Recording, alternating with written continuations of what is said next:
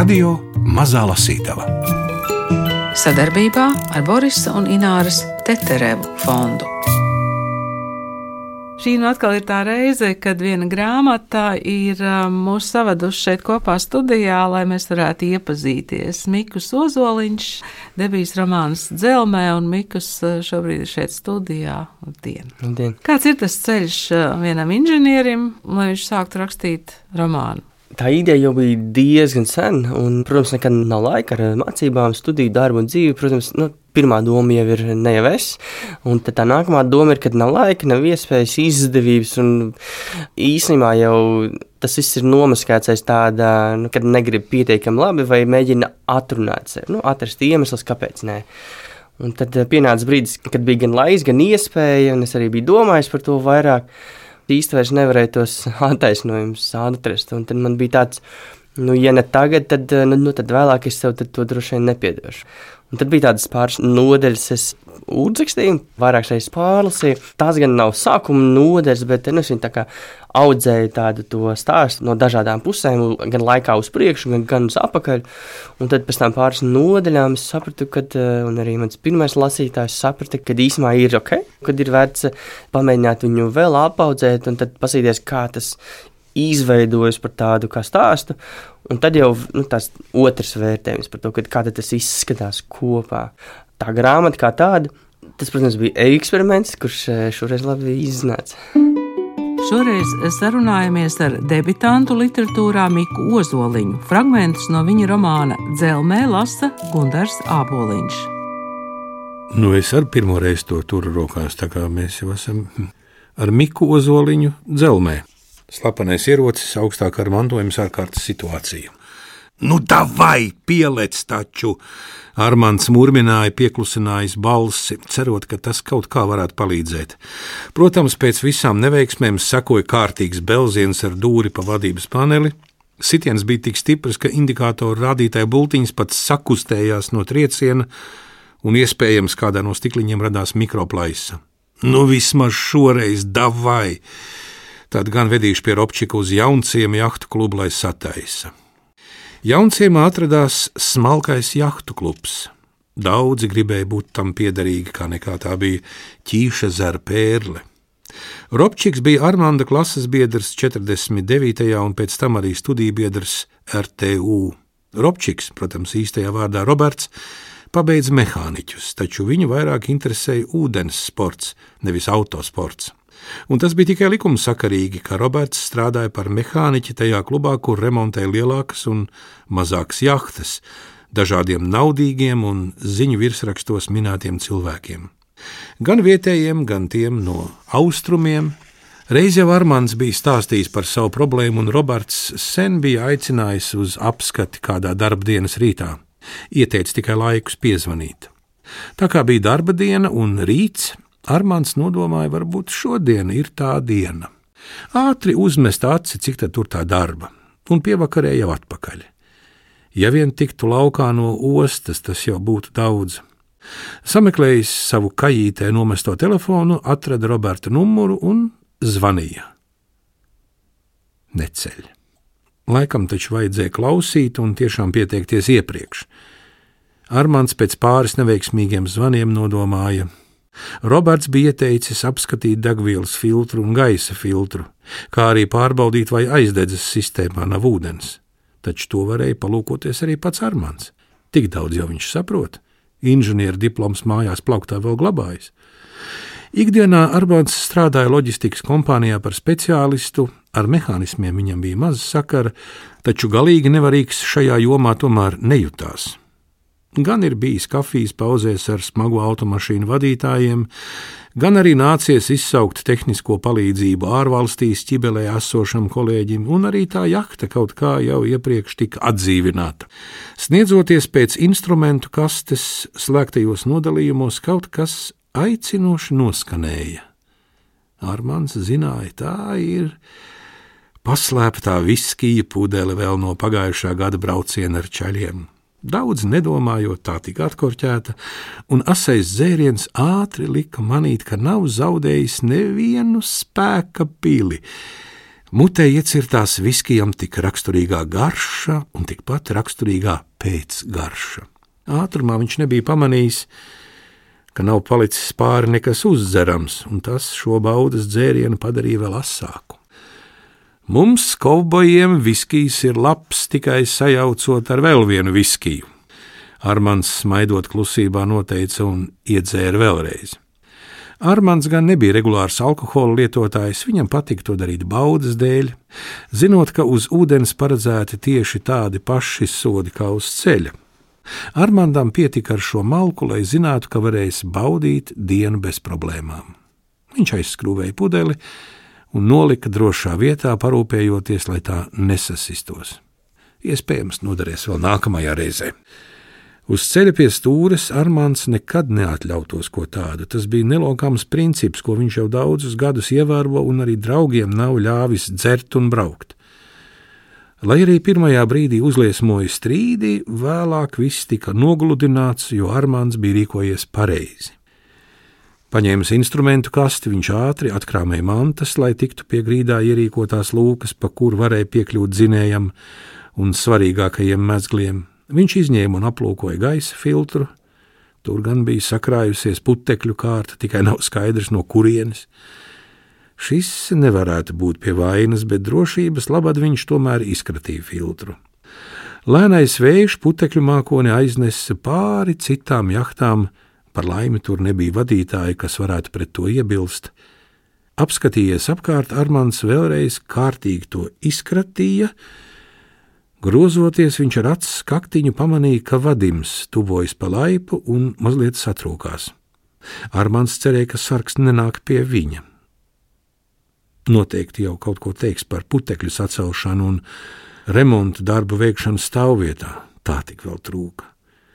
Taču Vadims vien pienāca pie laivas un apjautājās: Armāns, viss labi, vai ar Lotkovs jau harašo? Jā, protams, es te tikai mazliet sagatavojos, lai braucienā nerastos problēmas. Paldies, ka apvaicājies. Nu, labi, Armāns, jau že думал, что kaut kas sabajējies. Varbūt jāsauc buksir. Tikai ne buksieri, tas taču būs tāds kauns, un kur tad viņš mani vilks, un cik tas maksās? Gan jau tikšu galā, nodomāja Armāns. Salicis visu atpakaļ un pārbaudījis, vai nekur nav ūdens, aiztaisīja motoru telpas vāku un vēlreiz piegāja pie vadības paneļa. Ar trīcošu roku un nu jau vēl vairāk nosvīdušu pieri viņš pagrieza aizdedzes atslēgu, zig, zig, zig, zig, zig, zig, zig, zig, brrrt, zig, zig, zig, zig, brrrt. Skaņa jau bija cerīgāka, un uz pēdējo piegājienu neapzināti tika satverts kreisās rokas īkšķis, zig, zig, zig, zig.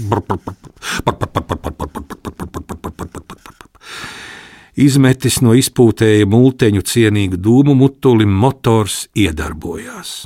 Izdevās! Motors ir pielecis un nu jau rupšķēja ar savu parasto skaņu, kā jau kārtīgs vecis.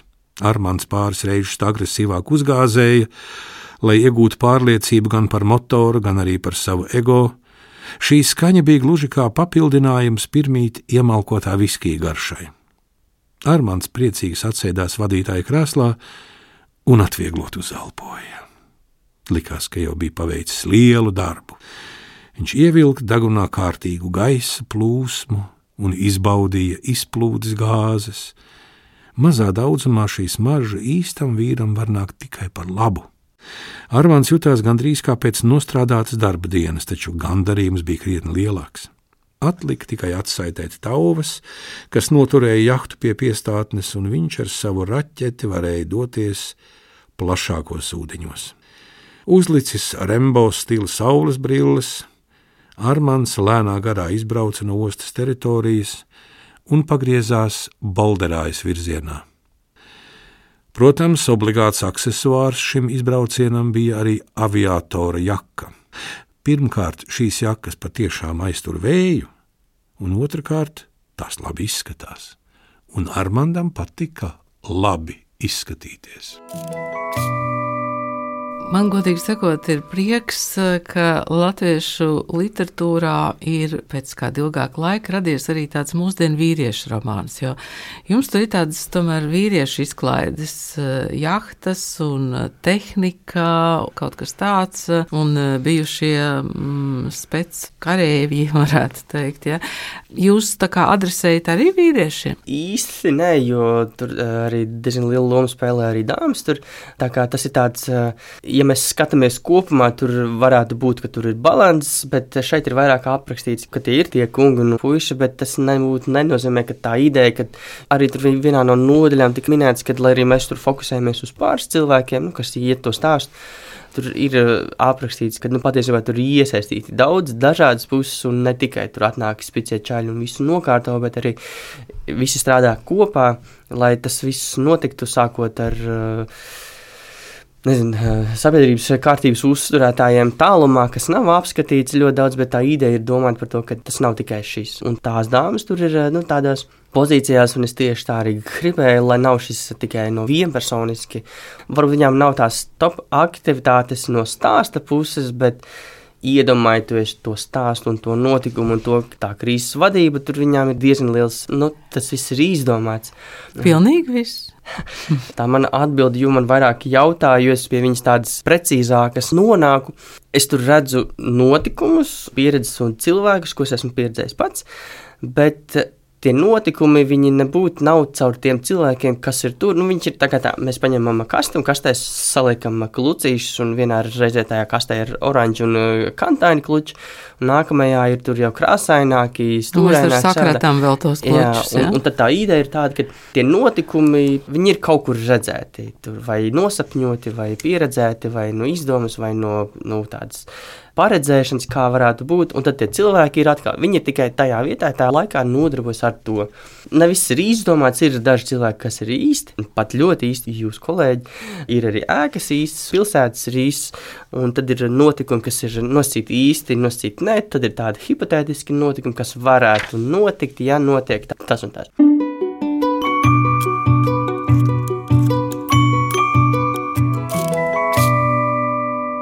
Kāds no grupas ar rokas mājienu nepārprotami lika viņam apklust un netraucēt skatīties un klausīties. Vīri bija sapulcējušies ap noliktavas datoru, kurā bija ieslēgta tiešraide. Ekrānā rādīja Rīgas centru. Lejā teksta joslā teikumu pēc teikuma skrēja informācija par šā brīža svarīgāko notikumu. Rīgas centrā noticis sprādziens, ziņu par cietušajiem nav. Daugavā uzsprāgusi bumba, iesaistīts Latvijā reģistrēts peldlīdzeklis, īpašnieku neatklāja, vai Rīga ir piedzīvojusi vēl vienu teroraktu, glābēji konkrētu informāciju nesniedz, policija sola informāciju pēc stundas, kad noskaidros apstākļus. Policija apzina visus nepieciešamos resursus, lai atrisinātu šo situāciju un veiktu nepieciešamās pārbaudes un izmeklēšanu. Šādas ziņas un hipotēzes slīdēja ekrāna apakšdaļā, bet video rādīja krietni sabojātu laivu, kas straumē mierīgi šūpojās un nemaz neizskatījās bīstama, jo bija saglabājusi peldspēju. Kapteinis vēl ar vienu gulēja bezsamaņā, bet ziņoja, ka viņš ik pa brīdim sakustoties. Tika rādīti skati no dažādām vietām, lielākoties no ielām appus Daugavai un arī no akmens tilta. Veči pārrunāja dažādus scenārijus un plātījās ar rokām, cik liela tā bumba varētu būt, bet Igors stāvēja kā pārakmeņojies. Sastingums sāka savu ceļu kāju pirkstos, tad cēlās augstāk pa kāju stilbiem un visbeidzot sasniedza muguru un galvu. Igors nosvīda un galvā uzrādījās spiedoša sajūta. Vīrieša pulss pāris sekundēs no parastajiem 60 sitieniem minūtē pieaug līdz pat 180 sitieniem minūtē. Taču tas Igoram nekaitēja, jo viņš rūpējās, lai vienmēr būtu labā fiziskajā formā. Mazliet gan iesāpējās galva, bet sāpes drīz pārgāja. Šajā brīdī viņš vairs neredzēja, nedzirdēja, kas notiek apkārt, bet koncentrējās tikai uz to, kas atkal un atkal bija redzams ekrānā - upe, laiva, violetais mākonis, šķiet, ka Igors skatiens bez maz vai cauru urba ekrānu. Viņš neticēja savām acīm, vai tiešām Rīgā kaut kas tāds varētu notikt. Vīrietis pamazām atgriezās realitātē, jo kāds no kolēģiem bija vairāk kārt vaicājis, vai ar Igorjoku viss ir kārtībā. Igors neko neatbildēja, bet taisnā ceļā gāja uz biroju, lai pārdomātu notikumus. Situācija izskatījās visnotaļ draudīga. Tā vismaz Igoram, kuram jau gadu gaitā bija lieliski attīstījusies intuīcija, šķita. Lai arī darbs šajā kompānijā bija nomierinošs un notrulinošs, un tieši tādu arī Igors vēlējās, tomēr gadiem mācītā un praktizētā kaujas spēja un analītiskā domāšana nebija zudusi ne par mata tiesu. Tas viss bija dziļi iespiedies viņa apziņā, un ar to gribot, negribot, vajadzēja samierināties. Taču šoreiz Igors visu gribēja vērst par labu, ja vēl nav par vēlu. Viņš jutās vainīgs par to, ko darījis pagātnē, un visādi centās, vai vismaz mēģināja, izpirkt savus grēkus. Nu, Igors redzēja iespēju. Aizejot uz savu darba vietu, viņš no atvilktnes paņēma mobilo telefonu, mašīnas atslēgas un pierakstus, un visus salika žaketes kabatā. Gan drīz jau izgājis pa durvīm, Igors tomēr apstājās un mirkli pārdomāja turpmāko stratēģiju. Tad veikli aizmetās atpakaļ pie sava galda un atstāja tur telefonu un savas mašīnas atslēgas. Piegāja pie biroja administratoras un jautāja, Larisa, kur ir mūsu sagādas mašīna? Sveiks, Igor! Trešā ir ceļā no Liepājas, ceturtā un piektā ir Igaunijā pie salūzušās fūres, kas pārkrauj kravu. Mazais ir pagalmā, kur tieši tevi interesē? Larisa neticami veikli spēja pārvaldīt autoparku. Viņa izskatījās pēc vienkāršas sekretāres, taču krīzes situācijā bija noturīga kā klints. Viens no kompānijas pelēkajiem kardināliem, kas spēja nokārtot lietas. Nē, Larisa, man nevajag kravas busiņas, man vajag vieglo sagādas mašīnu. Ā, tu domā printerautiņu? Larisa smaidot pajautāja klusībā, cerādam ieraudzīt kaut mazliet uz augšu paceltu mutes kaktiņu, nu vismaz kaut ko līdzīgu smaidam. Jā, to pašu, pilnīgi nekādu emociju Igor sejā. Mirklītī, mm -hmm, mm -hmm, nu tas pašreiz ir pagalmā. Piecos ir plānots ikdienas produktu sagādas cikls. Jāizbrauc līdz centram, tad pie lidostas, tad vēl kaut kur, un tad atpakaļ. Tieši šodien ielikām pēdējo papīra paku, bet, ja tu vēlies, es varu atcelt tos braucienus. Paldies, es to paņemšu. Pabrīdinu, ka mašīnu atpakaļ atvedīšu vēlāk, lai nerēķinās ar tās pieejamību. Ja nepieciešams, varat izmantot manu personīgo mašīnu. Atslēgas ir manā atvilknē. Igors paziņoja, paņēma printera auto atslēgas un izskrēja pagalmā. Hm, nu labi, pabrīdināšu. Larisa atrauca un uzsmaidīja. Viņa jau sen met acis uz Igoru un labprāt pati šovakar aizbraukt viņam līdzi ar printerauto. Varbūt pie reizes varētu par šo to aprunāties, tā Larisa jau vairāk kārt bija izprātojusi. Viņa nebija dzirdējusi, ka Igors runātu par sievu vai kādu citu sievieti, un tāpēc labprāt pati veidotu ar Igoru romantiskas attiecības.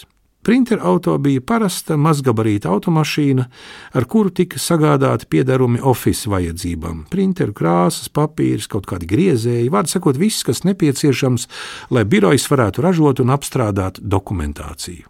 Tur pietika vietas tikai diviem kārtīgas miesas būves vīriem, kaut gan drošības jostas bija veselas piecas. Savu nosaukumu tas ieguva pēc reizes, kad tika pasūtīts jauns printeris, un nesen pieņemtam darbiniekam uzdeva paņemt kravas automašīnu ar šoferi un aizbraukt tam pakaļ. Jaunais puisis gribēja parādīt sevi no labās puses un teica, ka aizbraukšot viens pats un tikšot ar visu galā. Vadības mīnot piekrita, un ļāva visu padarīt. Viņi gan nepateica jaunajam karstgaldim, ka tas ir augstas veiktspējas printeris, kas sastāv no trim moduļiem, kuri atrodas katrs uz savas paletes un kopā sver ap 800 kg. Birojā izcēlās nevaldāma smieklu vētra, kad puisis atbrauc atpakaļ, atvedot tikai dokumentus un lietošanas instrukciju. Dzelmē Mikls Ozoliņš debijas romāns. Radio Mazā Lasītava. Tie kungi vai galvenie varoņi, kā jūs viņus raksturot, kuri tad ir? Es, saprotu, es, es teiktu, ka tur ir tāds uh, duo, kas ir uh, tādi patiesi galvenie, kas arī piedalās tur tās situācijas sādotīstībā, ir Kristaps ar Rodžeru, bet viņi nāk komplektiņā, kad viņš viens bez otra īsti tad nejūt.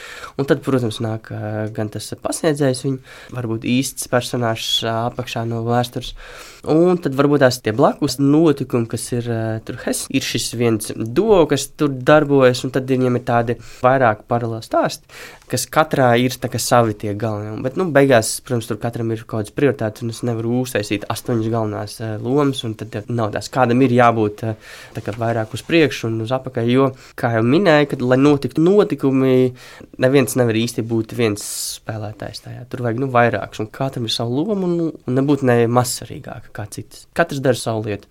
Tur bija mm, viena droši vien ļoti zīmīga epizode par to papīra kafijas krūzīti, kas apgāžas un ielīst ah, jā. vadības pultī. Man ik pa laikam ir bijusi tāds tā, stresa sajūta par to, ka kafijas krūzīti var apgāzties un ielīt jau datorklāvjā.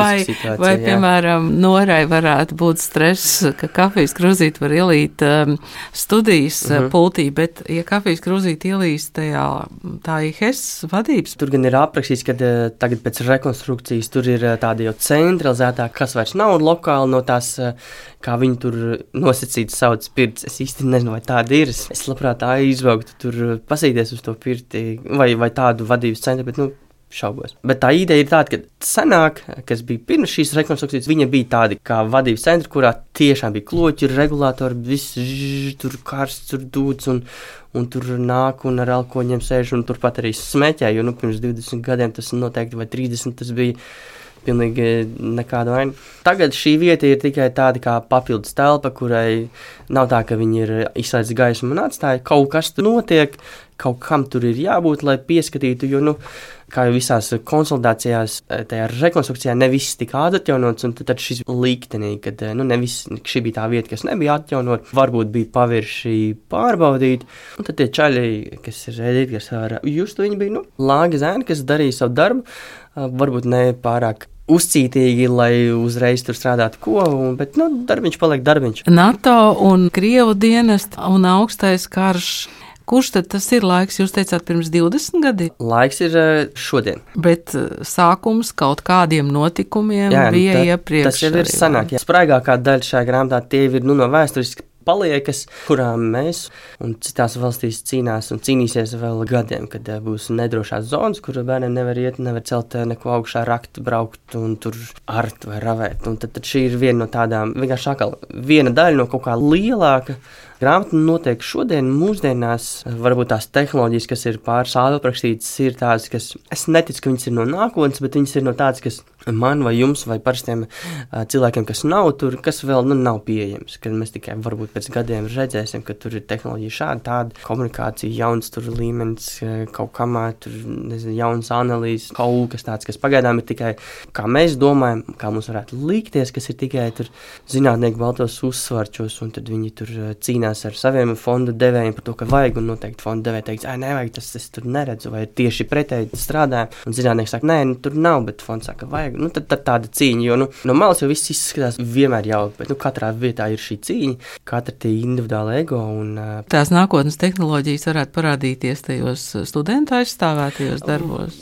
Es negribētu teikt, ka tas ir nākotnes, jo nākotnē tad liekas, ka tas ir kaut kāda maģija un kaut kas tāds, bet nu, nu, lielākas tuvās, jaudas, jā. kaut kas, kas šodien ir tik liels kā kurpju kaste, nākotnē tas būs tik liels kā sargos, un kas ar divreiz lielāku jaudu. Piemērs ir telefons. Pirms 15 gadiem jums noteikti arī bija telefons tik liels kā grāmata, un šodien tik liels kā Smaks bija. Jā. jā, un šodien tik liels kā maziņš piezīmju blociņš. Tā jau nav maģija, tā vienkārši ir cikliski attīstās, un tad tur nu, tiek pie kaut kā efektīvāka, mazāka, sākumā dārgāka, nepieejamāka, bet ar lielāku performanci, un tad jau izlīdzinās, un tad atkal nāk jauns, un tad jau tās kas, kas šodien bija kaut kas wow, tad jau rīt jau tas ir tāds. Hm.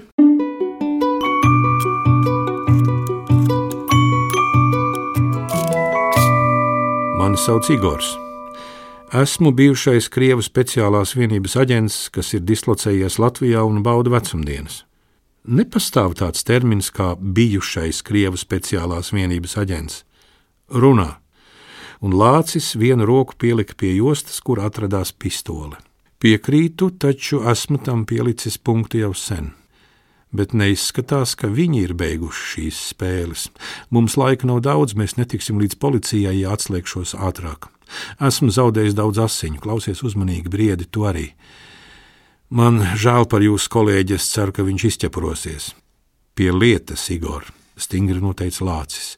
Citādi mūsu vizīte būs nesusi tikai zaudējumus. Vai arī es pats tevi tepat piebeigšu.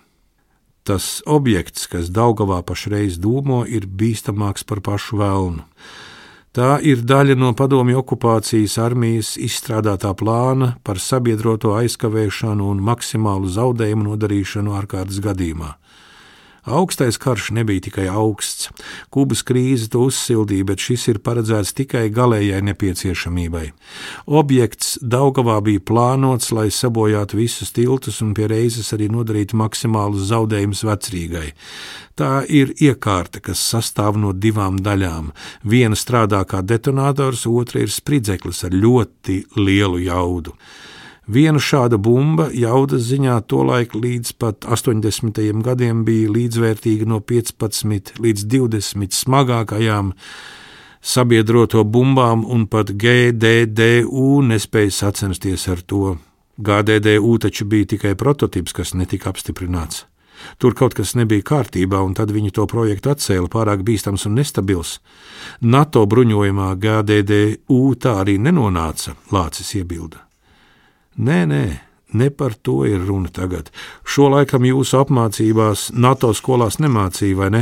Padomju armija daudz mācījās no amerikāņu 1945. gada augusta bumbām. Tika strādāts pie tādas bumbas, kas jaudas ziņā būtu mazāka, taču neizraisītu paliekošu radiāciju. Var sakot, lai bumba izraisītu kārtīgu sprādzienu, taču būtu mazāka, vieglāk pārvietojama, daudz uzticamāka un galvenais - lai pēc sprādziena apkārtni vēl varētu izmantot, lai būtu tikai mehāniski bojājumi un maksimāls kaitējums infrastruktūrai. Tika izveidota vesela programma un komanda, kas pie tās strādāja, taču bija daudz sarežģījumu, un tā rezultātā nonāca pie secinājuma, ka arī detonatoram ir jābūt jaudīgam. Pirmie testi tika veikti 1986. gadā, un mēs zinām, kas notika aprīlī. Un nē, vainīgs nebija tas, par ko tu runā. Visbeidzot, nonāca pie dubultās detonācijas sistēmas. Es redzēju izmēģinājumus vēlāk ar Hangelskā.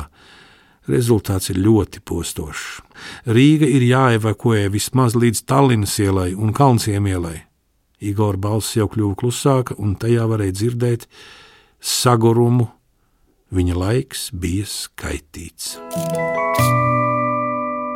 Kādi ir tie jūsu plāni? Tagad debijas romāns, jums prātā varbūt ir kaut kas. es esmu par to domājis, bet eh, šoreiz vairs nav tie apstākļi tik eh, pateicīgi tam, kā šīs grāmatas rakstīšanas laikā. Bet, nu, domāt, sēžot pie stūra vai pirms iemikšanas, ja es kaut ko tur tomēr būvēju.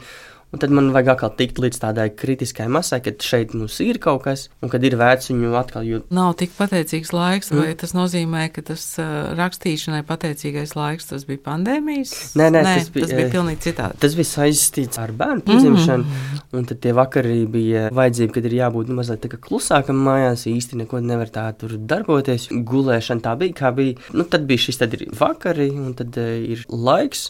Nu, tagad ir savādāk. Tagad vairs nav tie vakari tik brīvi, bet es neteiktu, ka tas aizņemtu tik daudz laika, kā jums vai man varētu likties sākumā. Ja viss ir galvā, ja jāsēž pie nodaļas vai pie teikuma stundām ilgi un netiek klāt, un tad tā ir savādāk. Pirmais romāns un pirmās pārdomas par rakstīšanas procesu. Inženieris Mikus Ozoliņš romāns Dzelmē izdevusi Zvaigzne ABC. Lasīja Gunārs Āboliņš, lasītāju veidoja Agita Bērziņa, Nora Mitspapa un Ingvilda Strautmane.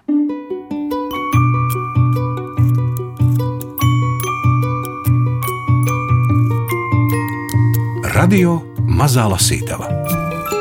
Sadarbībā ar Borisa un Ināras Teterevu fondu.